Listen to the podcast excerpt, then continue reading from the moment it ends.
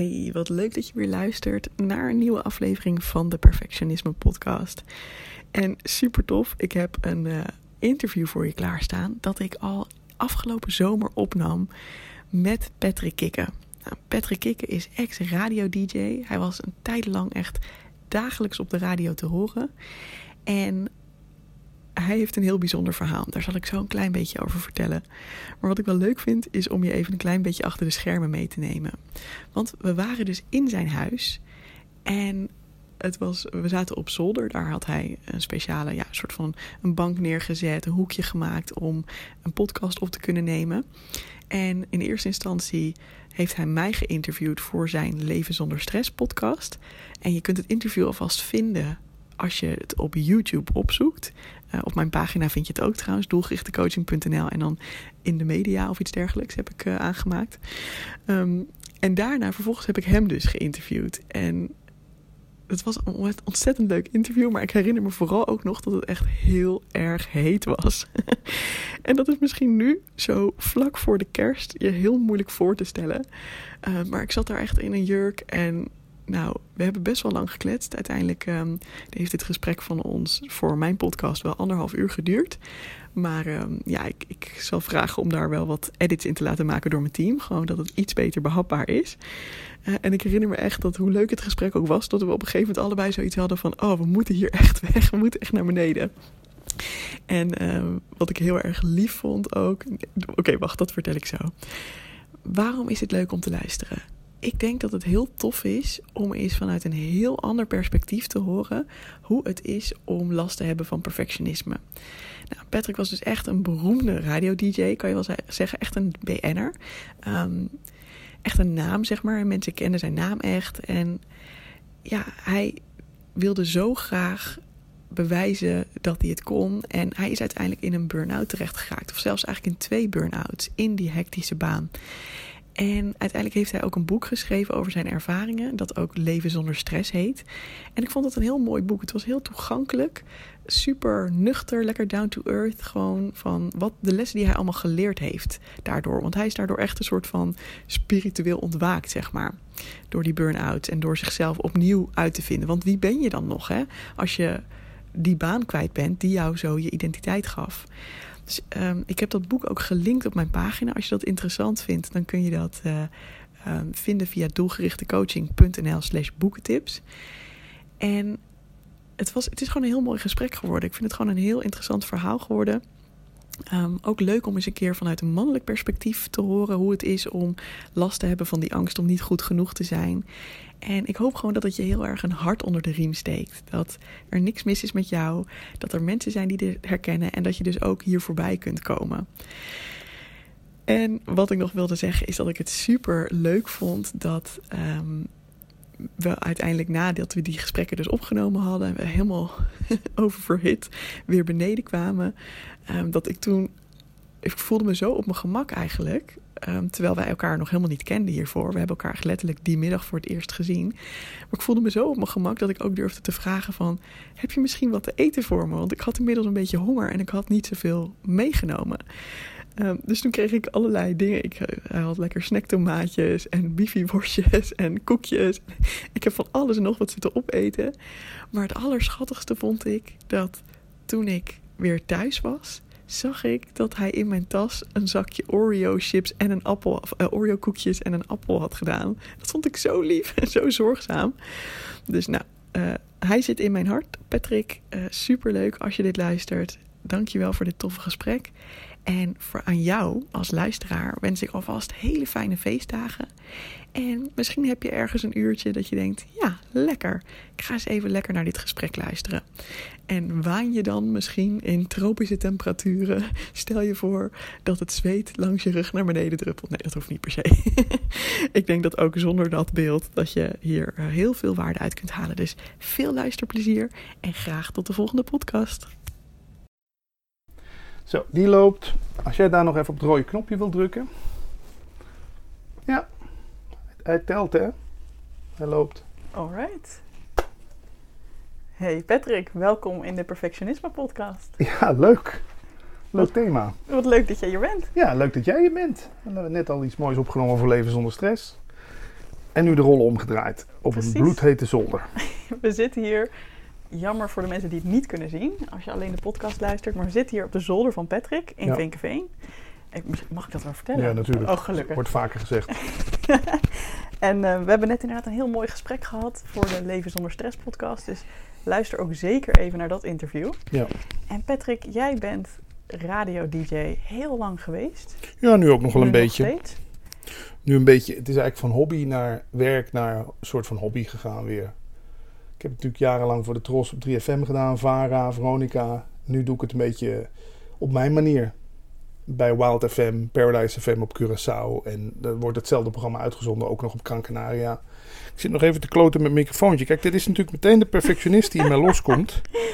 Die, Heel denkt- goed. die denkt van, ja, maar het gaat ons toch niet gebeuren dat die microfoon daar niet goed klinkt. Precies, want slecht geluid, dat is voor jou als Ja. radioman natuurlijk Nee, dit kan wel zo, ja. dit gaat goed, toch? Ja. hou het in de gaten. En wat ik zo leuk vond, eh, wij kwamen in contact en eh jij hebt een boek geschreven en je hebt ook een podcast. En dat heette allebei Leven zonder stress. En eh, ik ben dat boek gaan lezen en daar zag ik ook meteen eigenlijk in de inleiding al het woord perfectionisme in terugkomen. Ja. Kan je daar iets over vertellen hoe dat een rol in jouw leven speelde, heeft gespeeld of nog speelt? Ja, de eerste 35, 40 jaar denk ik toch verborgen. Wat jij ook al zei. Je weet, je weet niet beter. Ik kom natuurlijk uit een gezin met eh, ouders die ehm, bang waren om fouten te maken. En als ze een fout maakten, werd er niet gezegd van kan gebeuren. Nee, dat had toch niet mogen gebeuren, werd er dan gezegd. Weet je wel, dit, eh, ach, hoe heb ik toch zo stom kunnen zijn? Enzovoort, enzovoort. Ja, en eh, bij mij heeft het ook zich wel gevormd op de lagere school. Ik was altijd de beste van de klas. En dan leer je dus, nou, als je dus de beste bent in iets, dan wordt er van je gehouden.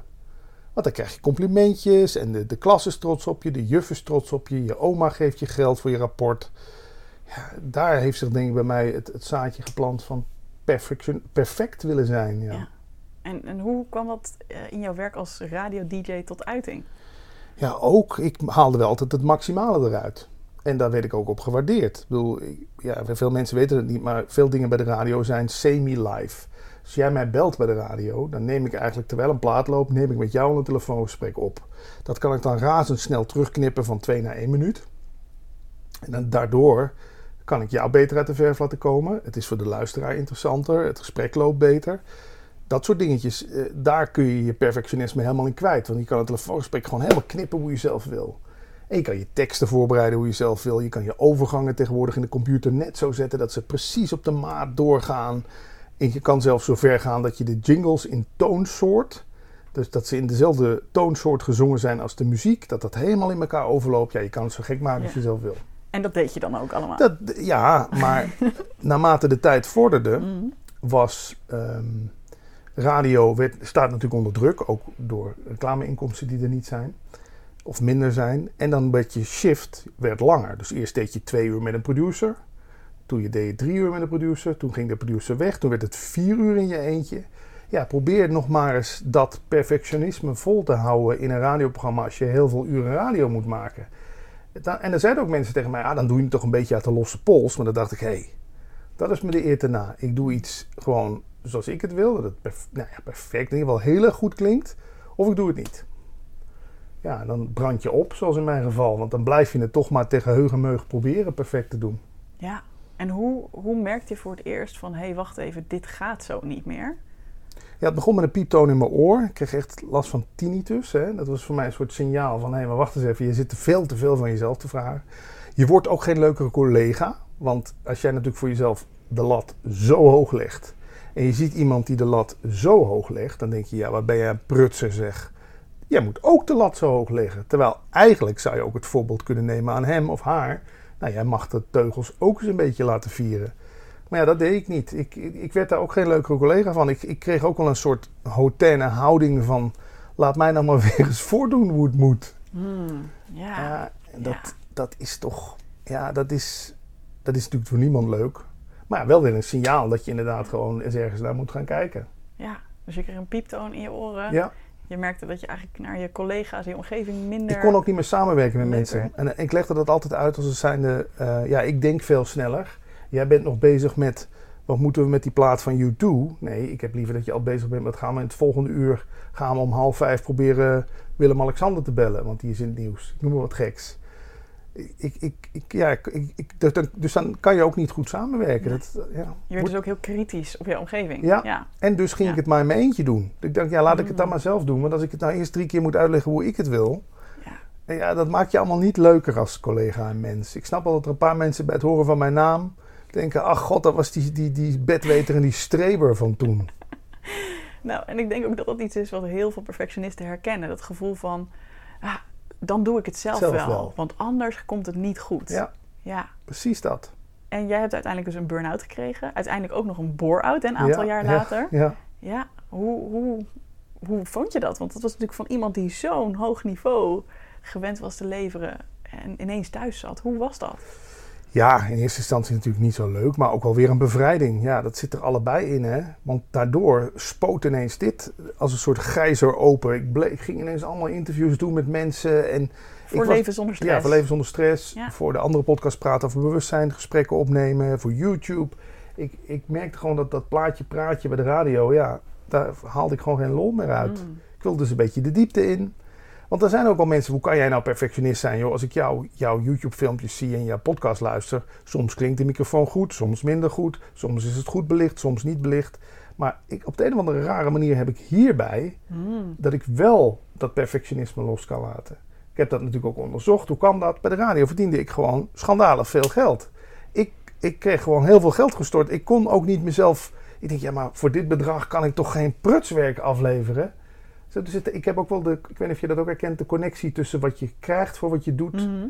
En kijk, dit is prodeo, dat is gewoon Ja. hobby soort van. Dan kan ik veel meer de teugels laten vieren. Ik denk, nou ja, dan is het toch een keer minder belicht. Of klinkt het toch een keer iets, iets minder hol of meer hol. Jammer dan. Ja. Met werk kon ik dat niet. Heeft dat ook iets te maken met dat je in jouw werk eh, waren er dus ook anderen die naar jou keken, die jou misschien wel meer beoordeelden of Het, het wordt live uitgezonden, hè. Ja, Het staat zelfs aan, gewoon bij wijze van spreken op de gang. En dan zag ik mensen langslopen als ik iets op de radio gedaan had. Zag je mensen soms zo langslopen, zo. Nee, schuddend. Dat kan van honderd redenen zijn. Ze hebben net te horen gekregen dat, dat, dat, dat hun moeder eh, boos is. Ze, kan, ze hebben net te horen gekregen dat de auto kapot is. Weet ik veel. Maar ik betrok het op mezelf. Kijk, hij loopt ook al langs, hoofdschuddend. Hij zal er ook wel weer niks aangevonden hebben. Ben jij hoogsensitief? Ja, ik denk het ook wel. HSP. Ja. Nou, in ieder geval alert op. Kijk, ik heb me in mijn jeugd heel erg aangeleerd op signalen letten. Hè, sommigen noemen het onveilig gehecht. Ik, ik heb, ben met een vader opgegroeid die, die veel problemen had met zichzelf, dus ook veel dronk. Dus ik heb antennes ontwikkeld om de sfeer en alles precies in de gaten te houden. Mm. Als jij nu een keer weg zou kijken, zou dat voor mij al een signaal zijn: hé, het is niet meer interessant genoeg. Het zou Mm. kunnen dat jij niet meer interessant genoeg vindt, Mm. maar daar ben ik extreem op gefocust. Ja. Dus ook in je werk. Ja. Kijkt iemand je aan, kijkt iemand weg, eh, lacht iemand, lacht iemand niet. Ja, dat heeft zich, het heeft zich allemaal gevormd. Dat is heel herkenbaar, ook voor Ja, mijzelf. Ja, ontzettend. Heel erg de, gewoon de, de gezichtsuitdrukkingen van andere mensen in de gaten houden. En ze ook niet gebruiken als, want het is heel waardevol om dat te kunnen zien. Maar ze ook direct koppelen aan een oordeel over jezelf. Jezelf. Oh, dan doe ik het dus niet Ja. goed. Of dan vinden ze mij dus niet leuk of interessant genoeg. Ja. Ja. Mijn vriendin en ik hebben daar een leuk trucje voor eh, uitgevonden. Oh, ik ben wel benieuwd. Ik vraag zo één, één, keer- één twee keer per dag vertel- vragen we aan elkaar, stellen elkaar de vraag: hoe is het met jouw zelfhaat vandaag? Weet je wel? En dan, dan maakt het je weer bewust van hoe je eigenlijk constant jezelf met een zweep op de rug zit te Mm. slaan. Mijn vriendin heeft ook een beetje eh, issues met gewicht, eh, is daar ook heel eerlijk over, heeft af en toe vreedbuien. Als ik dan, eh, we hebben nu de af, zij heeft voor zichzelf bedacht dat als ik er ben, dan mag ze snoepen. Hè, want ik ben ook een snoepkous, bij mij staat ook koekjes op tafel en zo. En als ik er niet ben, dan neem ik het allemaal weer mee. En dan, dan heeft ze voor zichzelf van, nou, dan snoep ik niet. Hmm. Maar ja, die zelfhaat, dat is gewoon bij haar ook. Op het moment dat je jezelf echt waarloos voelt, tenminste, ik ga dan ook mezelf maar een soort van belonen of een soort van liefde. Eh, Oprah Winfrey heeft dat een keer mooi gezegd, hè. Eh, eten is liefde wat je in je mond stopt. Alsof je een soort die zelfhaat probeert te dempen, te verdoven met een donut of Mm. eh, een stuk pizza. Dan is even dat kutgevoel over jezelf is weg. Ja. En dus ja, mijn vriendin en ik zijn met dat zelfhaat zijn we een beetje de spot aan het drijven. En dat, ja, op de een of andere manier heb ik wel het idee dat dat wel een beetje helpt. Wat leuk. Ja, gewoon door het even te benoemen Ja. en juist heel expliciet te Ja. maken, maak je het eigenlijk minder krachtig Ja. misschien. Want zij is ook zo. Dan had ze laatst bij de paarden, ze is helemaal paardengek, had ze een of andere schutting gebouwd tegen de zon.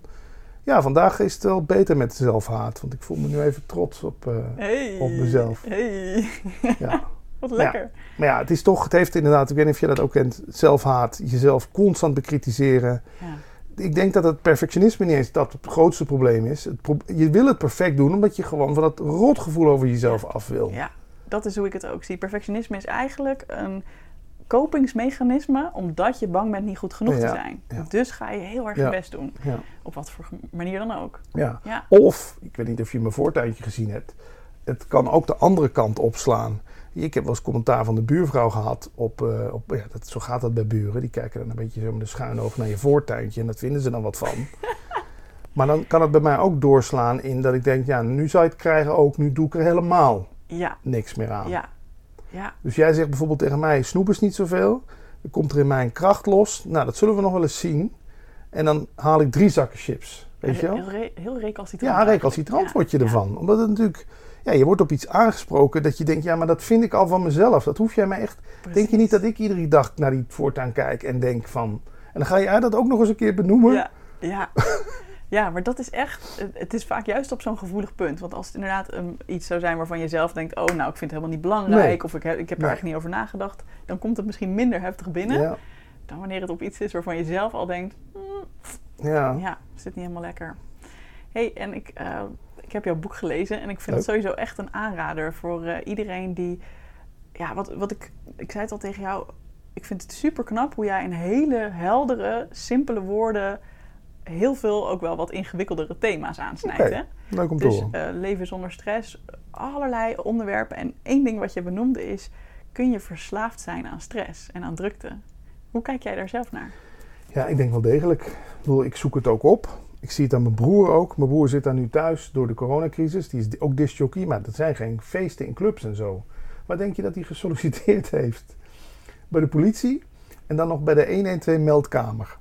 Die wil, die wil gewoon reuring, die wil gewoon stress, die wil gewoon ellende horen, die wil... Ja, ik zie bij hem ook, dat, dat, gaat, dat eh, heeft hij gewoon nodig bijna. En als ik het op mezelf betrek, ja, ik ben ook, als er even een paar dagen niks gebeurt, dan schrijf ik maar weer een column over radio. Waarin ik eh, Frank Dane eh, eh, een soort van onder de loep neem. En niet op de meest positieve manier. En dan komen daar weer 80 reacties onder. En dan, dat levert stress op. Maar ja, op de een of andere manier, weet ik niet, die stofjes. Ja, de oxytocine heet dat spul. Wat dan in je, in je bloed komt op het moment dat jij gestrest bent. Ja, ook daar kan je gewoon net, net, net als dat denk ik aan, aan, aan, aan morfine of heroïne gewoon een soort verslaafd aan raken. Want wat gebeurt er dan als jij helemaal geen stress hebt? Stel je hebt heel lang geen reuring, Ja. geen conflict. Wat gebeurt ja, er dan met jou? heerlijk. Ja, is Maar- het echt heerlijk? Ja, Want nou, een gedeelte van mij vindt dat heerlijk. Ja. Maar iets in mij, kijk, dat is, heeft natuurlijk ook veel te maken met verwerking, denk ik. Ik bedoel, er zit in mij best nog wel een stuk pijn van dat ik nu niet meer op de landelijke radio ben. Er zit een stuk pijn van dat mijn vader compleet psychotisch is en we niet weten hoe dat verder gaat aflopen. Maar ja, je zegt net mooi copingmechanisme. Stress kan dus ook een copingmechanisme Mm. zijn. Laat ik me maar lekker de hele dag eh, bezighouden. Ik ga ook altijd eigenlijk te laat slapen. Ik slaap pas tussen twee en drie. Dan heb ik nog allerlei rituelen voordat ik ga slapen. Podcasts luisteren, Instagram checken, weet ik wat allemaal. Ik denk als ik inderdaad gewoon eens een week... zzz, of een retraite, dat zou natuurlijk nog erger, helemaal de hel zijn. Een week lang stil moeten zijn. Ja, ik snap wel dat mensen zeggen van ja, dan poppen die ballen allemaal op die je nu dan allemaal maar krampachtig onder water aan het houden bent. Heb ik wel aardig wat opgeruimd, maar er, er, zit, er zit nog wel wat, ja. Ja, en, en als je net zegt, ik heb wel al aardig wat opgeruimd. En wat, wat voor dingen heb jij bijvoorbeeld gedaan om, toen jij merkte van... hé, hey, ik heb eigenlijk heel erg last van dat perfectionisme Mhm. of van die stress. Wat zijn nou dingen die jou hebben geholpen daarin? Ja, voor mij is het toch wel inzicht. En daarom ben ik ook veel van die gesprekken gaan voeren. Ik heb met eh, Astrid Davidson gesproken van prima is perfect. Nou, dan, dan neem, ik ben dan zo iemand denk, nou, dan neem ik dat voortaan als, als levensmotto eh, aan. Is het prima, dan is het perfect. Ze komt ook terug in het boek, hè. Dat, dat heeft me wel heel erg geholpen. Ehm, ja, wat, voor mij die columns zijn ook een soort therapeutisch. Want eigenlijk, als je heel eerlijk bent, wat je over de ander zegt, gaat natuurlijk op de eerste plaats over jezelf. Ik bedoel, als ik schrijf dat ik vind dat iemand anders er met een petje naar gooit, dan vind ik eigenlijk gewoon dat ik, dat ik zelf er met het petje naar gooi. Maar ja, zeg dat maar eens eerlijk. Hè. Maar eens opletten als iemand zegt: eh, Ja, je hebt van die mensen die. Ja, je hebt van die mensen die. Jij bent een mens. Het gaat op de eerste plaats over jou. Durf je zo eerlijk te zijn om te zeggen: Ja. Ik Ja. ben iemand die altijd puntje, puntje, puntje doet. ja, of wat ik heel vaak daarin zie, is dat iets wat je irriteert aan een ander, dan is dat vaak jouw eigen uitdaging. Hè? Hm. Dat hoor je ook vaak, hè? die theorie van als je hem dan omkeert, dan zit daar jouw, Ja, jouw irritante Ja. trekje. Nou, we hadden het net in jouw eh, podcast al even over dat wij alle, allebei ons heel erg kunnen ergeren aan Ja. geluid. Heel gevoelig voor geluid. En ehm, hè, dus je kan dan inderdaad denken van nou iemand anders houdt geen rekening of wat dan ook. Maar je kan ook zeggen ja, ik ben gewoon iemand die overgevoelig is. Of ik ben gewoon iemand die te veel rekening houdt met een ander. Geen geluid en geen te geluid durft te maken. Daar zijn we wel achter gekomen. Ja, dat vond ik een interessante. Dus in- ik, ik, ik denk dat dat zo is. Dat je vaak dingen irritant vindt van een ander. Ja. Omdat het iets zegt over waar Ja. jij eigenlijk wel wat meer van zou willen Andersom, ja, Ja. precies dat. Als hij er een beetje met de pet naar gooit, ik durfde er nooit met de pet naar te gooien bij de radio. hebben. Ja, En daarom stoor ik me aan jouw eh, houding van, nou, het kan ook wel eens een keer een dagje wat minder. precies. Ja. Ja, ja, het is, wat dat betreft zijn we allemaal elkaars leraar natuurlijk, de hele dag door. Over leraren gesproken. Ja? Wat ik dus net al zei over jouw boek. Ik hou ervan dat jij dingen zo simpel en helder kan uitleggen. En een term die daar, die volgens mij in jouw leven heel veel terugkomt, Ja. is non-dualiteit. Kun Non-dualiteit. jij op zijn Patrick's uitleggen, wat is non-dualiteit? Ja, het is aan zich niks. Daar kwamen we net aan de keukentafel ook al achter. Het is de ontkenning van dualiteit. En daarmee zeg je eigenlijk al de essentie. eh, Deze wereld lijkt zich duaal aan ons voor te doen. Hè. Daar zit een vrouw, hier zit een man. Jij bent 33, ik ben 46. Ehm, jij komt uit Leiden, ik woon in Vinkenveen. Maar dat is allemaal maar de benoeming. Bedoel, feitelijk, zonder taal is dit gewoon één verschijning. Hè, er verschijnt nu gewoon van alles, maar dat is één, als je het zou zien als schilderij, is het één schilderij. Alleen wij, wij raken ons heel erg kwijt in, in de definities van dingen. Labeltjes? Ja, labels. Overal post-it notes opplakken. En dan ook vaak nog de beoordeling. Hè? Dus Mm. dan is het, nu is het slecht weer, zogenaamd. Ja, Morgen is het goed weer. Het, we leven in die wereld van Ja. concepten. Toch? Zeker als je een beetje goede, goed stel hersens hebt en gestudeerd hebt, ben je toch geneigd om alles te categoriseren. En met name ook over jezelf. Dit heb ik goed gedaan, dit heb ik slecht gedaan. Dat had beter gemoeten. En dan komt er zo'n filosofie voorbij uit India die zegt van ja, dat is leuk. Daar heb je wel wat aan. Het is best fijn om te weten dat dit een bank is en dat dan is een bus en jij stapt straks in de bus. En je gaat niet op de bank zitten, want dan kom je nergens. Het is fijn om te weten. Maar aan zich, ja, is dit gewoon één verschijning. En nou, dan wordt er zelfs, sommige leraren zeggen, dit is een soort droom. Dit is, dit is het ene wat zit te doen alsof het twee is. Man, vrouw, koud, warm, hè, de dualiteit. Mhm. Maar er is een soort basis. Hè. Als je een tekening gaat maken, heb je eerst papier nodig voordat je een tekening gaat maken. Dus dat papier, daar gaat mijn interesse heel erg naar uit. Hmm. Waar de wereld in kan verschijnen. Kan je daar wat mee? Ja, nou, ik denk dat het goed is om daar nog even op de oor te pakken. Want ehm, ik, ik voel hem heel erg als je zegt ehm, man, vrouw, labels, Mhm. goed, fout. Dan voel ik hem heel erg en denk ik, ja, inderdaad. Eh, wat, ik, wat ik dan daarin voel, wat mijn visie is...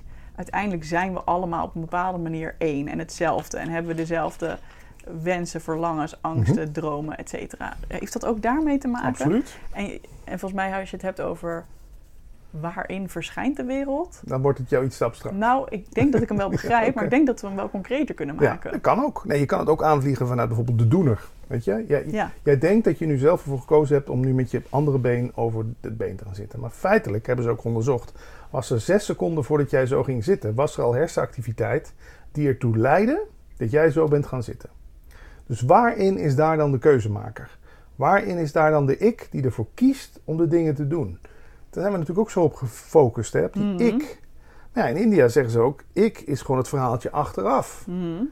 Gewoon wat we eromheen verzinnen. Feitelijk gebeurt het leven gewoon. Die teksten die nu, nu komen, weet ik ook niet waar die vandaan komen. Die worden gewoon gesproken. Ik doe zo met mijn handen. maar als je er op een gegeven moment wat minder of zelfs helemaal geen claim meer op gaat leggen. ja. Ja, dan valt er, zoals in mijn geval, toch een hele zak met stenen van je rug af. Mhm.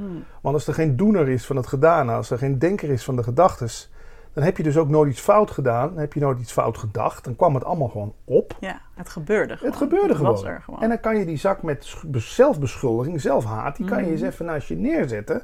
Want er was geen zelf wat ervoor koos om te doen wat hij deed. Het, want dat weet je toch vaak ook. Ik bedoel, als je toch de keuze, had- als je de keuze hebt tussen je goed voelen of slecht voelen, dan koos je toch om je goed te voelen. Maar die keuze heb je niet. Had je de keuze om die fietser wel of niet aan te rijden? Nee, da- dat gebeurde gewoon. Je was erbij betrokken. Tuurlijk, we gaan niet de verantwoordelijkheid ontkennen, maar Ja, maar dat, dat vind ik inderdaad heel interessant. Want eigenlijk het, het leuke wat er nu gebeurt in mij is... ehm, ik heb nu een rationele Evelien die Ja. wetenschappelijk opgeleid is... en die ook heel erg is van... ja, maar je hebt je eigen invloed, dus die wil heel Ja. graag daarop door. Maak het concreet. En ik heb een Evelien die dingen heeft ervaren in Mm. haar leven. oh, vertel. En die Evelien, die voelt dit helemaal. Ja. Die denkt, ja, oh, ik voel helemaal... Want wat ik bijvoorbeeld de laatste tijd aan het doen ben, is niet meer te veel plannen maken van vandaag moet ik dit doen. Maar ik voel gewoon Je wat volgt. trekt aan mij. Ik Ja. volg. Ik, ik ga op de inspiratie. Ja. En dat klinkt heel zweverig voor heel veel mensen. Hè? Want ik denk dat veel mensen die naar deze podcast luisteren... niet per se al op een punt zijn van... Ik, Ja. dat, ik, ik geloof dat of ik weet of ik heb er überhaupt al van gehoord. Hè? Dus hoe ehm, praat je dan tegen mensen die misschien zeggen... ja, maar ik ben toch verantwoordelijk voor mijn acties. En ik heb toch zelf invloed. En ik eh, ben toch verantwoordelijk voor mijn Nou leven. ja, dat, dat is ook gewoon een afspraak die we met elkaar gemaakt hebben. Het is ook helemaal niet erg om te doen alsof. maar jij gelooft er niks van. Nee, ja, ik heb me er wel erg in verdiept. Ik, ja, Ja, wat jij zegt, nou, als we terugbrengen naar intuïtie. We kennen Ja. allemaal toch wel dat gevoel van, moet ik, moet ik hier nou dat straatje wel of niet inlopen? Dat Ja. gevoel. Ja, En ik- laat ik het niet doen. ja. Want dat, Het iets in voelt jou... niet Het goed. voelt niet goed. We Ja. kennen allemaal het gevoel als je in een ruimte binnenkomt waar net grote ruzie is geweest. Ja. Je denkt, wat hangt hier voor een rotsfeer? Wat is hier net gebeurd? Of je leert iemand kennen en je denkt meteen... ja, dit klopt. Of nee, dit klopt nee. niet. Ja. Dat is, en dat kennen we allemaal. ja. Daar komt eigenlijk het rationele brein dat was later bij. En die gaat dan denken, ja, maar het is wel sneller als ik zo loop en zo. Maar je voelt je gut feeling gewoon, die volg je gewoon. Het is eigenlijk hetzelfde als, ja, waarom hou je van je partner? Probeer dat maar eens rationeel. Ja, je kan een lijstje maken waarom je van iemand houdt. Dat maar doe ik wel altijd. Ja? Jij niet? Nee, ja, ik ben ermee gestopt. Omdat het is, ja, het is toch ook gewoon een ding. Het is, het is is, gewoon er. zo. Het is er. Ja. Het is, het is gewoon niet te ontkennen vaak met dingen. Alleen ja, dit hier, ik noem het ook wel een soort de lichtbalk, de ondertitelaar. Patrick wijst nu naar zijn hoofd. Ja, mijn hoofd, waar gewoon allemaal die, die stemmetjes voorbij komen. Ja. Die zeggen wel niet de Muppet-opa's. Ik weet niet of je de Muppets nog Ja. kent van vroeger. Die zeggen boe, boe, ja, goed, slecht, goed. Is ook niet erg. Ik bedoel, het is er niet voor niks. Maar ja, je, wat jij zegt, je wordt een soort van geleid. En dat is, het hoeft helemaal niet zweverig te zijn.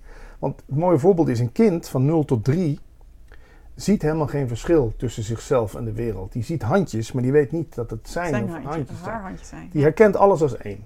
Ja. En die zegt ook, om in- in- als hij kan praten, zegt hij, Pietje heeft honger. Dan zeggen wij, nee, je moet zeggen, ik heb honger. Oh, ik heb maar honger. jullie hebben het toch over Pietje als je het over mij hebt? ja, dus dat, Pietje, is, ja. ik ben niet die, Ja. Oh, dan is het, zal dit wel Pietje zijn. ja. En op een gegeven moment, het Ja. leuke is ook, een kind tot drie jaar laten we alles doen. Die gooit het potje met pap om, moeten we allemaal om lachen, poept in de broek, allemaal prima. maar vanaf een jaar of drie wordt daar ineens een verantwoordelijkheid ingeprojecteerd. Nee, nu zou Pietje beter moeten weten. En nu worden we boos op Pietje als Pietje de pap omgooit. Het is natuurlijk eigenlijk super frustrerend voor een kind. Want tot drie jaar was je, was je gewoon de vrijheid zelf. Daar werd, je werd op niks afgerekend. En ineens komt daar dus een omslagpunt dat je onder, onder, onder verantwoordelijkheid wordt gesteld. ja. Ja, en, en voor mij begint daar een soort van de ellende en de zoektocht de rest van je leven om weer in die staat te komen van gewoon vrij mogen zijn wie je bent. En, en zonder er constant maar jezelf op af te rekenen of anderen erop af te rekenen. Ja, ja. en daar heeft non-dualiteit erg bij geholpen. En als je dat eh, in jouw leven zou moeten omschrijven, van, ehm, kan je bijvoorbeeld een verschil aangeven van iets wat jij deed voordat je dit allemaal wist? Mhm. Hoe je iets aanpakte of hoe jij je voelde en hoe dat nu anders is? Ja, relaties bijvoorbeeld. Ik was ook heel erg op zoek naar de bevestiging van die andere kant. Kijk, natuurlijk vind ik het nu nog steeds niet leuk als ik mijn vriendin app en ze app niet terug. Dat vindt niemand leuk. Het is ook niet zo dat je dan ineens een soort heilige wordt die alles kan verdragen. maar vroeger kon ik daar gewoon echt, eh dat weet ik gewoon echt, eh, dat legde me lam gewoon. Omdat mijn hele identiteit hing af van haar bevestiging. Of van de bevestiging van mijn baas die niet terugmailde. Of van een opdracht die wel of niet doorging. Want vervolgens kwamen er labels in je hoofd. Dit is niet goed. Klopt. Als zij van mij Ja, houdt, zou ja. ze mij nu terug Zou ze terug? Ja. sms'en. Want dat was toen. Maar, nee, maar, let- ja, maar letterlijk ook gewoon het construct wat je over jezelf verzonnen hebt. Ik, ik dacht toen echt, ik ben Patrick de Ster disjockey. Ja. Daar hield ik me aan vast. Maar als je dan een keer een dag niet in Boulevard te zien was geweest... of niet met een poster op straat hing van een feest... Waar is Patrick de Ster Disjockey dan? Hmm. Dan ging je dus maar gauw weer een nieuwe website creëren om dat kaartenhuis weer. Dat construct weer te verstevigen. Het was eigenlijk iets wat continu, een soort van monster dat continu Ja, gevoed moet worden, letterlijk. letterlijk. Maar dat, ja, dat zie je ook veel bij mensen die wat bekender zijn geworden. Of mensen die ergens goed in zijn. Dat, is- Mhm. ja, dat, dat dooft op een gegeven moment natuurlijk een beetje uit. Er komen weer mensen die worden weer bekender. Er komen mensen die kunnen nog sneller de 100 meter rennen. Daarom kijk ik ook heel veel documentaires. Ook over mensen die dan Michael Jordan zijn en heel goed hebben kunnen basketballen. Ja, hoe, hoe zijn die daarna verder Hoe gaan gegaan? ze daarna verder? Ja. Want die hele zelfbeeld hing toch af van, het, van de onverslaanbare te zijn. Heeft dat ook te maken met du- dualiteit? Dus als je je identiteit vastkoppelt aan bijvoorbeeld je prestaties of aan wat andere mensen van jou vinden. Want dat herken ik Ja. ook heel erg. Ja, Ja. absoluut. Ja. Dat hele zelfbeeld kun je eens onder de loep gaan nemen. Is dit, het naam zegt het al, zelfbeeld. Ik bedoel, het is handig. Het is best handig om iets over jezelf te vinden en te weten. Maar hangt je hele hebben en houden ervan af. Hè? Mhm. Hoe is dat dan nu? Want je zei van nou, het is heus niet zo dat je nooit meer wat voelt Nee. op dat gebied. Maar Ja, een stuk sterker. Ik kan, ik kan, ik kan wel eh, heel veel dingen onpersoonlijk nemen. Hmm.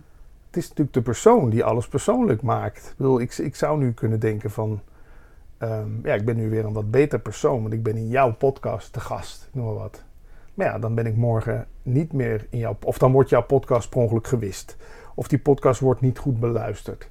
En dan voel ik mijn persoontje wankelen, hè? want dan is het... Oh, fuck.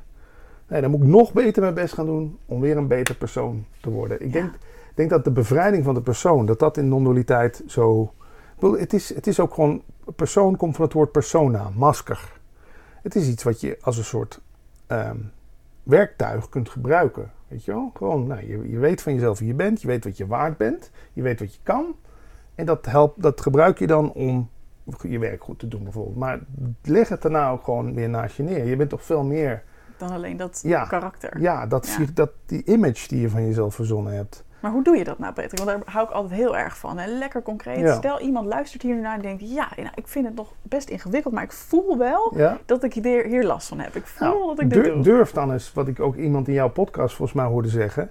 Durf dan eens zonder make-up de deur uit te gaan. Durf eens als vrouw zonder, klinkt misschien raar, maar zonder BH. Gewoon in je, in je durf anders te zijn dan die persoon. En ik, ik heb heel veel geleerd van de, waren dat uit Stoïcijnen? Die gingen gewoon naakt op straat zitten. Waarom? Om te chockeren? Nee, om te zien dat je dan toch niet doodgaat. Hmm. Er zullen mensen raar kijken, maar dat deden ze toen al om een soort te testen van... Hey, wij hoeven niet de hele dag er perfect bij te lopen. We hoeven niet de hele dag ook de perfecte... Durf ook eens een keer als iemand je iets vraagt te zeggen... Ik weet het niet. Snap je? Of iets... Of, ik, ik, leuke oefening is ook als je natuurlijk... Ik was altijd heel erg van Haantje de Voorste. Dus ik moest bij de supermarkt... had ik echt wedstrijden met mensen met het karretje... wie het eerste bij de kassa was, weet je wel. Ja, dat, ook, dat deed ik ook Ja, altijd. Ik ben nu echt een trage Ja. bejaarde aan het worden. Ja, Ja. gewoon eens expres. Gewoon een paadje inslaan, zodat je. Of ga eens een keer expres in de langste rij bij de kassa staan. Want dan komt die persoon, die komt in opstand. Hè. Wat doe je nou Dit weer? is niet efficiënt. Ja, wat is er toch weer? En ja, Bas, die hebt toch ook recht om op, als eerste bij die kassa te komen. En je weet toch hoe we het hier in de supermarkt vinden. Dat komt allemaal in opstand. Dan, dan zie je wel dat er dus iets is Ja? wat die gedachtes waarneemt. Dus je Dat. kan, ja, je kan een soort uitzoomen van... Hé, hey, dit, dit is nu blijkbaar nu een gevecht met mijn hoofd gaande. Ja. Van de Jantjes of de Pietjes of de Klaasjes, de Patrickjes. Die vinden dat wij niet als laatste in de rij mogen staan bij de kassa. Maar dan komt de rust, want dan kan je het als een soort van toneelspel even in jezelf. Heb je ook nog een beetje gratis vermaak terwijl je daar staat te wachten. Ja, dat, dat uitzoomen, dat heb ik van Paul Smit geleerd. Dat, dat, dat is wel... Hoe doe je dat? Ja, hoe doe je dat? Ja, volgens mij doe je, kan je dat ook al volgens mij wel automatisch. Toch? Ja, Als dus jij het is gewoon het waarnemen van je gedachten en het waarnemen van hoe je je überhaupt voelt. van wat er zich afspeelt. Dus Ja. het minder perso- eigenlijk begint het met minder persoonlijk maken. Mhm. Ik heb dat ook wel eens als ik ruzie heb met mijn vriendin of zo. We hebben bijna nooit ruzie. Maar als, dan, als je dan iets meer afstand neemt Ja. en je ziet eigenlijk wat er gaande is, dan, dan ont, ontspant de boel ook meteen. Want je trekt het je niet meer zo aan wat hier geroepen wordt en hier gezegd wordt. En, en ik weet dat mensen zeggen, ja, daar word je toch heel onverschillig van. En dan doet niks je meer wat. En, maar dat, dat is niet, ja, in mijn geval was dat niet zo. Je, het, geeft- als je toch, het brengt je rust. Op een gegeven moment gaat dat gewoon fijn voelen. Ja.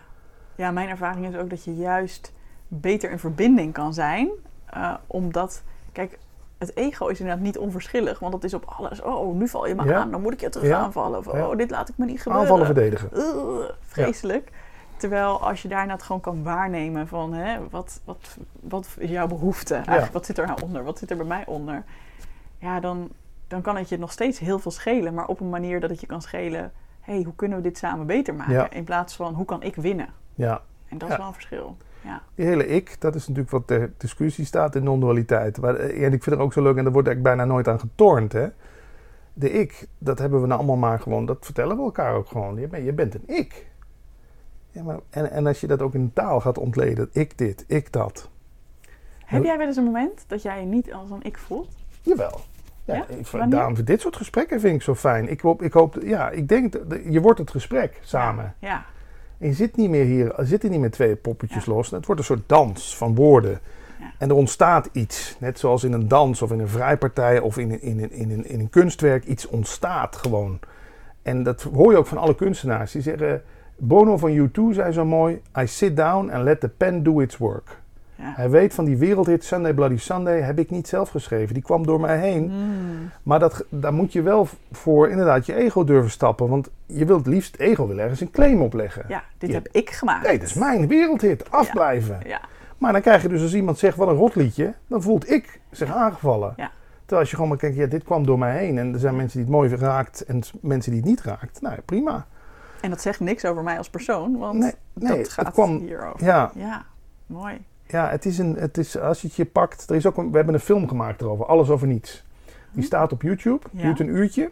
Is twee keer bij RTL 4 te zien geweest, één keer bij RTL 8. Wel in de, in de uren, de daluren zullen we maar zeggen. Maar dat is een, een, een leuke speelfilm waarin gewoon non-dualiteit een soort van uitgebeeld wordt met actrices. En gewoon echt wel een leuke film om, om naar te kijken.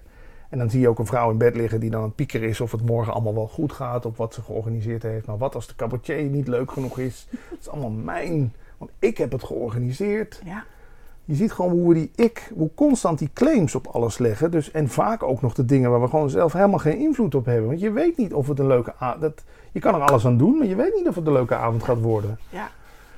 Ja, Dus ja, dat heeft mij gewoon heel erg geholpen. En ik heb dat wel ook door mijn draaiwerk. Ik wist op een gegeven moment, als ik in een feesttent stond te draaien... op een gegeven moment breekt het ijs.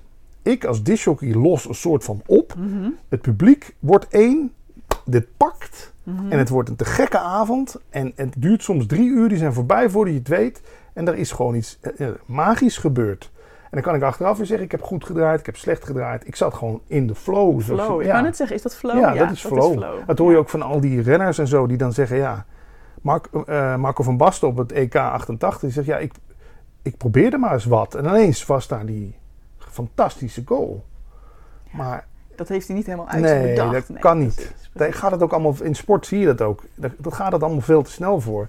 Dus we moeten denk ik ook een soort bescheidener worden. Dat, we, dus- dat als je aan de ene kant wat minder de claim legt op alles wat je goed gedaan hebt, ga je ook minder de claim leggen op alles wat dan zogenaamd fout Ja. gebeurd is. Ja, er zit ook heel erg iets bij de perfectionisten die ik vaak coach over je altijd verantwoordelijk voelen. Dus inderdaad, wat je zegt, als spreek je met vriendinnen af, dat je dan denkt: "Oh, ik hoop wel dat iedereen het naar zijn zin Ja, heeft. moet leuk en dan worden. moet ik, ben Ja, ik daarvoor ja. verantwoordelijk. En ook voor in het werk. Oh god, maar als ik een dag ziek ben, dan moeten anderen het op zich nemen. Dan voel ik me verantwoordelijk. En ja, dat is niet te doen. Dan draag je zoveel op je schouders. Dus het is ook denk ik heel relaxed om dat los te kunnen laten.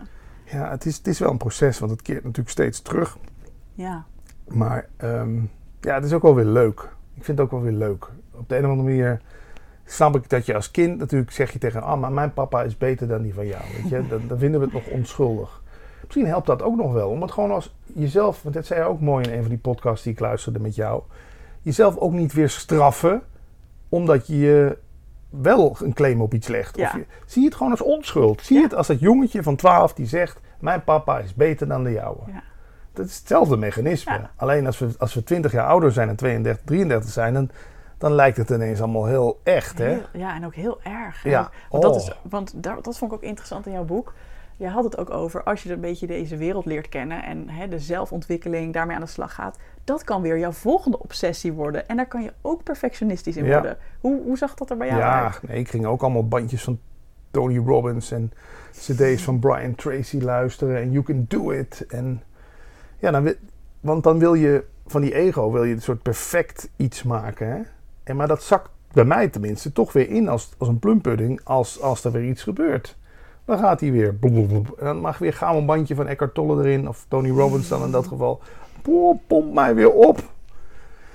Ja, ik, ik, maar ik ben wel op het punt dat ik het niet... Ik snap wel waarom het er allemaal is. Die zelfontwikkeling en zo. Want ja, het, het, uiteindelijk, een, een, dat wordt wel eens gezegd in non-dualiteit. Ik dacht ook al ik heb een beschadigd zelfbeeld. Hè, toch met veel commentaar van mijn vader.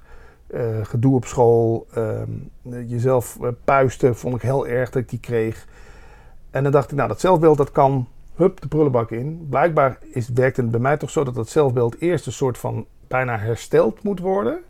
Om het daarna te zien voor wat het is, namelijk gewoon een zelfbeeld. Ja, ja. Maar het is ook, als je de psychologie erop naslaat, is dat ook nodig. Kinderen moeten een ego ja, ontwikkelen. Precies. Ze hebben het nodig. het is iets wat iets bij elkaar houdt. In deze maatschappij ook. Hè? En inderdaad, vervolgens is het wel heel lekker als je dan niet alles daardoor laat leiden. Dat je in dat wat je zegt, er bijna op een grappige manier naar kan kijken. Ik, kan een voorbeeld noemen uit mijn eigen leven. Inderdaad, als ik fietste op straat en dat ik dan dacht... Oh mijn god, die bejaarde voor me gaat zo langzaam. Oh, wat erg. En dat had ik me helemaal op te vreten. En dat ik dan daarna heel hard om mezelf moest lachen van... Oh Eve, dan was hij weer. zit je weer even lekker in je ongeduldige ja, modus. En, zonder dat daar ook weer heel veel verwijt op hoeft te komen. Oh, van, oh, dan heb ik mijn ego weer. En, uh, ja, precies ja, gezond zelfbeeld. Wat je gewoon kunt inzetten. Of waar je af en toe eens naar kan luisteren. kan denken, nou bedankt voor de info. En dat je dus ook niet jezelf hoeft te ontwikkelen tot een perfect mens wat geen ego meer heeft. Want dat is gewoon Nee, dat, kan, dat is volgens mij ook niet... En dat nooit meer stress heeft of zo. Kijk, daarom de, het boek is natuurlijk ook een utopie, leven zonder stress. Ik bedoel, dat, dat, maar als ik het leven met minder stress had genoemd... Ja, dat, is gewoon een kuttitel. Ja, dat is een kuttitel. dit, dit, en ik weet wel dat ik het ook geprobeerd heb. Dat heb je ook mooi uit het boek gehaald dat ik dacht van ik moet iedere, alles wat enigszins stress veroorzaakt in mijn leven, moet weg. Ieder abonnement. Ik moet vrijstaand wonen. Ik moet geen auto meer hebben, want dan moet je tanken. En dat kan soms ook lang duren. Weet je? Maar op een gegeven moment denk je, maar wacht eens even, waar ben ik mee bezig? Dit is een gebed zonder end. Dit red je niet. Ja. Het gaat om de rust vinden in.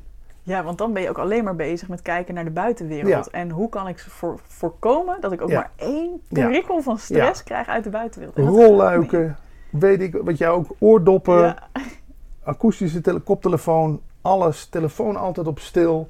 Maar dan weet je ook, dan landt er wel weer een duif op het dak. En dan zit je denk je, die rotduif, die verstoort mijn rust. ja. Hey, even over naar familie. Ja, familie. Familie. Want je zei net iets heel interessants. Jij zei uh, in ons gesprek voor jouw mhm. podcast... eigenlijk heeft perfectionisme me ervan weerhouden om mijn dochter op te voeden. Ja, dat klopt. Wil je daar iets over vertellen? Ja, dat begon dus in 2000. En wanneer is ze geboren? 2008. Ja, zo wordt dit jaar 12. Ehm, ja, niet gepland, wel gewenst. Hè? En het eerste wat ik natuurlijk dacht van... oh ja, dat kan ik echt niet. Dit, dit, dit. Ik ben zelf opgegroeid met een hele instabiele vader heel wispelturige vader, zo moet ik het zeggen. Het ene moment mocht je van mijn vader alles. En het andere moment kon hij niks verdragen. Hmm. Dat is natuurlijk fucking lastig. Want je bent als kind natuurlijk een, een spring in het veld. de ene keer ben je enthousiast en dan moet je huilen en dan val je weer eens een keer. En bij, van hem hoorde ik altijd waarom, waarom... Ik hoorde twee dingen vaak van mijn vader. Ook wel natuurlijk lieve dingen. Maar wat ik mij herinnerd is... Waarom ben je toch zo? En waarom doe je toch zo? Oh ja, ja. Ja, weet ik veel waarom ik zo ben. Weet je, zijn ook vragen die je niet aan een kind kan stellen. Nee. Dus die, ja, dat gaat daar nog een generatie door hier. Dat ik dadelijk ook naar haar toe de hele tijd uh, zit te corrigeren. En uh, nee, ik heb last van je en doe dat niet. Ja, en plus nog eens erbij dat ja, een kind perfect opvoeden. Probeer dat maar eens. Waar, je kan nog zoveel boeken lezen, denk ik, over kinderen opvoeden. Dat is een gevoelskwestie. En je moet daar denk ik toch gewoon uh, rustig voor zijn. Hmm. Ik bedoel, je moet toch wel een beetje kunnen een beetje buffertje hebben dat als een kind voor de zesde keer inderdaad de tv omgooit, ik noem maar wat. Ja, dat je, dat je toch niet meteen uit je slof schiet. Dat je het gewoon, dat je de rust kan bewaren. Die had ik niet. Nee. Dus ja, ben ik er maar niet in begonnen. En hoe, hoe voelt dat nu? Want je zei eigenlijk net van, oh, dat is eigenlijk een inzicht dat ik pas heel recent mhm. heb opgedaan. Dat dat de reden was. Want je dacht eigenlijk, dat het misschien kwam van ja, maar ik ben te druk met mijn werk. Nou ja, ik, daar verschool ik me achter. Ik zei van het past nu niet en ik zit op het toppunt van mijn carrière en ik heb er niet voor gekozen en ik ga dus ook niet uh, me ermee bemoeien. En, maar ja, het heeft uiteindelijk vind ik wel goed uitgepakt. Zij zal vrij snel daarna de man tegenkomen waar ze nog steeds mee is. Ze heeft ook een tweede kind met hem en het is dus een soort gezinnetje geworden. En ik ben gewoon de ome Patrick die gewoon één keer in de maand een leuk weekend met haar heeft. En dus spijt heb ik niet. Maar ja, achteraf is het wel te zien dat dat perfectionisme... Ik dacht eerst dat het inderdaad alleen maar kwam door tijdgebrek en geen zin. Het klinkt misschien heel bot, maar Mm. gewoon dat het totaal niet paste. Dan ben je topper van je kunnen met de radio. En je ook bijna een soort van... Die denkt, ja, maar je gaat me niet ineens een kind in mijn maag splitsen. Weet je wat ik bedoel? Ja, ik, klinkt misschien heel egoïstisch. Was ik tien jaar geleden ook veel meer. Maar ja, nu ben ik hartstikke blij om. Dat het toch... Het is toch leuk om te zien. Je ziet natuurlijk van alles van jezelf terug daarin. In je dochter. Je ziet natuurlijk de, de, de voorliefde voor lekker eten. Je ziet het filosofische. Ze heeft al spreuken op de Instagram staan van het leven is een feestje, maar je moet wel zelf de slingers ophangen. Oh, wat super lief. Dus ja, ik zie ook wel de. Maar ja, ik zie ook wel, dat is natuurlijk, ze noemen het niet voor niks een kleine goeroe. Ik bedoel, een kind drukt natuurlijk op knoppen bij jou. Maar als ik tegen haar zeg van, joh, wat zit je toch, ben je toch weer verbeterachtig? Want ze is, ik zie dat perfectionisme helaas bij haar ook. Want ze heeft weer hetzelfde traject. Ze, is op de lagere, gaat nu naar de middelbare. Ik hoop dat ze daar niet meer de beste van de klas is. Op de lagere school was ze de langste en de beste van de klas vaak. Voor spreekbeurt kreeg ze een 9 of een 10. En hoop ik zo dat, dat niet haar zelfbeeld daar helemaal omheen. Dan heb je ook nog een oma die er verwendt, een andere oma die er verwendt. Die oma zegt je moet advocaat worden. Dat je denkt, oh Hmm, Ze is nog geen twaalf. ja, ja. laat het toch gewoon ook fouten maken. En, want je merkt aan haar ook dat ze over haar fouten en gevoelens. Hmm, hmm. praat ze niet zo graag hoor. Want inderdaad, ga maar eens over je gevoelens praten. Dan, dan laat je eigenlijk je kwetsbare kant zien. Hè? Dus ja, ik, dat is ook een karakterding, denk ik. Ik bedoel, mijn vader en moeder. De hoogste vorm van intimiteit met mijn vader is een hand. Weet je wel? En als ik hem een knuffel geef, dan zegt hij van... eh, goh, uh, forse jongen geworden. Weet je? Om maar te zeggen van... Die verbinding. Ik heb nu bij wijze van spreken met jou meer verbinding... dan, dan ik de afgelopen tien jaar met mijn vader heb gevoeld. Ja, Maakt Dat- hij zo'n opmerking ook, denk je, om even niet die verbinding aan te hoeven ja gaan? kan. Toch op een afstand houden. Ja, ik heb het helemaal. Ik, ben, ik weet niet of jij ook... Je bent ook gaan onderzoeken hoe met je vader en moeder... Het helpt soms wel om te zien waar zij vandaan komen. Ja. Mijn moeder is bijvoorbeeld geboren uit een meisje van 15. Ja. Mijn oma was 15. Nou, dat was in de jaren 40 natuurlijk. Die moest in het zwart trouwen. Die, het hele dorp sprak er schande van. Nou, dan kom je dus als kind eh, al te ter wereld in onrust. Met een- en je wordt door een ander kind van 16 opgevoed. Ja, Ja, zie daar. Dat geef je ook door natuurlijk. wat voor start is dat? Ja. ja. En mijn vader eh, weer een ander traject. Dus dat heeft me wel geholpen om mijn vader en moeder ook totaal niet te ver... Want die zou ook denken, ja, waarom hebben jullie toch altijd zo perfectionistisch gedaan? En eh, nee, want zo zijn zij ook opgevoed. Ja, dat is heel duidelijk, ook gewoon door de omstandigheden Ja. en hun opvoeding. Gecreëerd. En hoe, hoe ehm, als jij dat ziet bij jouw eigen dochter, hè? want dat krijg ik ook wel eens vragen over van eh, mensen die merken van, oh, ik heb zelf last van perfectionisme. Ik wil zo graag voorkomen dat mijn kind hier ook last van krijgt. Ja. Nou, misschien kun je het niet helemaal voorkomen, maar als jij dat ziet gebeuren, hè, wat doe jij dan? Ja, ik vertel wel va- vaak van eh, durf, maak, durf ook eens fouten te maken. Of eh, Mm. maak maar eens een keer iets heel een hele lelijke tekening. Ja. Of gewoon het, het, het proberen te stimuleren van, ja, van, het, van het imperfecte. Als een soort van tegengeluid. En ook niet te veel waardering te geven op. Want natuurlijk komt ze dan weer met een goede rapport en wil ze daar. eh, maar- en dan, maar dan zeg ik, wijs ik soms ook bijvoorbeeld naar die zeven voor lichamelijke opvoeding of zo. En dan zeg ik van ja, zie je, je kan niet overal goed in zijn. Hè? Ik bedoel, dat is bij mij ook. En dan probeer ik het zo een beetje aan te vliegen. Dat klinkt echt best wel lullig, Patrick. Ja, dat dat klinkt echt kut. Ja, maar ja. Want het voelt, en misschien, Ja. misschien is dat voor haar niet, hè? dus ik, ik, ik, ik veroordeel het nu enorm. Maar het voelt van, oh ja, je hebt allemaal 8 en 9, je hebt overal heel erg je best gedaan, maar moet je kijken, toch, ik laat je even voelt- zien wat er niet goed gaat. Nou, nee. Of bedoel je dat niet? Ja, nou, ja, maar om een tegengeluid te geven, want waar ik niet tegen kan is... Dan heeft ze daarvoor al van Jan allemaal gehoord. Heb, oh, wat een fantastisch rapport. Ja. Toch vind ik dat ze... Ik ga daar niet op zoek naar de fouten, maar Nee, meer nee, om te zeggen van... Zie je nou wel, je kan niet overal... En dat is ook oké. Dat is oké, dat zeg Ja, ik er ook bij. ja. Niet wat ik inderdaad net als, van, oh, als mijn vader dat ook deed. Dat had ik mijn auto gepoetst en dan liep, hij mee en dan zei hij van... eh ah, maar je kofferbak is nog verbetering vatbaar. Nee, nee, ik, met die intentie zeg ik het in ieder geval niet. nee. Maar ja, Ik zit ook te denken, het is wel leuk, want terwijl ik de vraag stel en jij beantwoordt, Mhm. komt er ook in mijn hoofd iets op. En dat is de groeimindset. Heb je daar wel eens wat van? ja? Want eh, dat, ik dacht eigenlijk dat je daarheen ging met jouw verhaal. Dat je zei, ik probeer niet te veel op die eh, resultaten te focussen. Mhm. Dus alleen maar op de goede resultaten van, oh, Maar daar... kijk, hier ga je omhoog. En, Nou ja, ja. precies. Dus dat, dat zou ik me ook kunnen voorstellen. Dat je er kijkt van, hé, hey, maar moet je eens kijken. Je hebt heel erg je, je, hebt je Ja. best gedaan. Of je hebt je ingezet. Of je vond het ingewikkeld. Maar je hebt toch, eh, je bent ervoor gegaan. Of hé, hey, je hebt gedurfd fouten te maken. Weet Ja. je, dat je dat, eh, dat zou ik me ook kunnen voorstellen. Wat bij mij op triggert is, ik hoefde nooit mijn best te doen om die 10 te halen op de lagere school. Ja, Dus ik legde weer een claim op iets waar ik, ik heb inderdaad veel meer respect voor diegene die kaart geknokt heeft en daar een 7 voor gehaald heeft. Bij mij ging dat ook op 3 VWO mis. Ik was helemaal niet gewend om mijn huiswerk te maken. Dat kende ik niet. Ik dacht als je uit school komt, dan kruip je achter de computer, dan ga je leuke dingen doen. en dan komt het wel goed. Dan komt, dat komt vanzelf wel hier door dit apparaatje eh, in stand. Ja. ja. Ja, het, het is vooral de claim op die, op, die, op die successen. Natuurlijk is dat voor een kind nodig. Ik snap ook wel. Maar daarom is het misschien ook maar goed dat ze mij niet iedere dag om zich heen heeft. Want ja, moet je je voorstellen dat je met zo iemand opgroeit die dan alleen maar vanuit non-dualiteit zegt van ja, dat zelfbeeld, ja, het is wel handig. Maar voor een kind is het natuurlijk super belangrijk. En ook dadelijk, maar ja, ik hoop toch dat ze ook wel meekrijgt dat als ze dadelijk op de lagere school, eh, zoals nu een laptop. Ja, ze hoeft echt niet de duurste MacBook te hebben. Wat is dat voor een onzin? Gewoon een laptop die, die het goed doet. Ja. Dat ding gaat al van een half jaar toch kapot. ja. Dus ik, ik ben dan wel van het een soort tegengeluid van dat iedereen maar allemaal, het moet allemaal perfect. En de nieuwste iPhone en de haartjes moeten goed zitten. En, ah. en dat ziet ze ook. Ze ziet het bij mij ook. Want haar, haar, zeg maar zeggen, haar stiefvader, die, ach man, daar wordt geen broodje in de auto gegeten, want dan komen er kruimels. Pr- prima, zo is hij opgevoed. Zit ze bij mij in de auto, ik gooi gewoon een leeg flesje op de achterbank. Dan zie je er ook zo kijken van, oh dat zou papa, hè? dat Ja. zou hij nooit doen.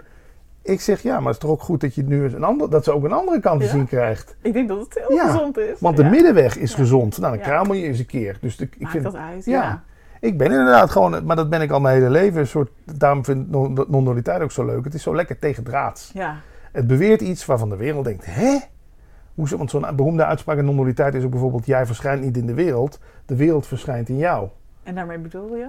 Ja, dat is, ja, ja voor mij is dat een soort pointer van... Ja. jij bent het alomvattende bewustzijn die een wereld mogelijk maakt. Je bent niet sec alleen dit poppetje, je bent iets Ja. veel groters. Alleen, ja, daar kan de gemiddelde mens... die, die identificeert zich louter en alleen met... Dit lichaam. Dit. Dit ben ik. Ja. Ik ben niet ook jou. Ik ben niet ook de lucht.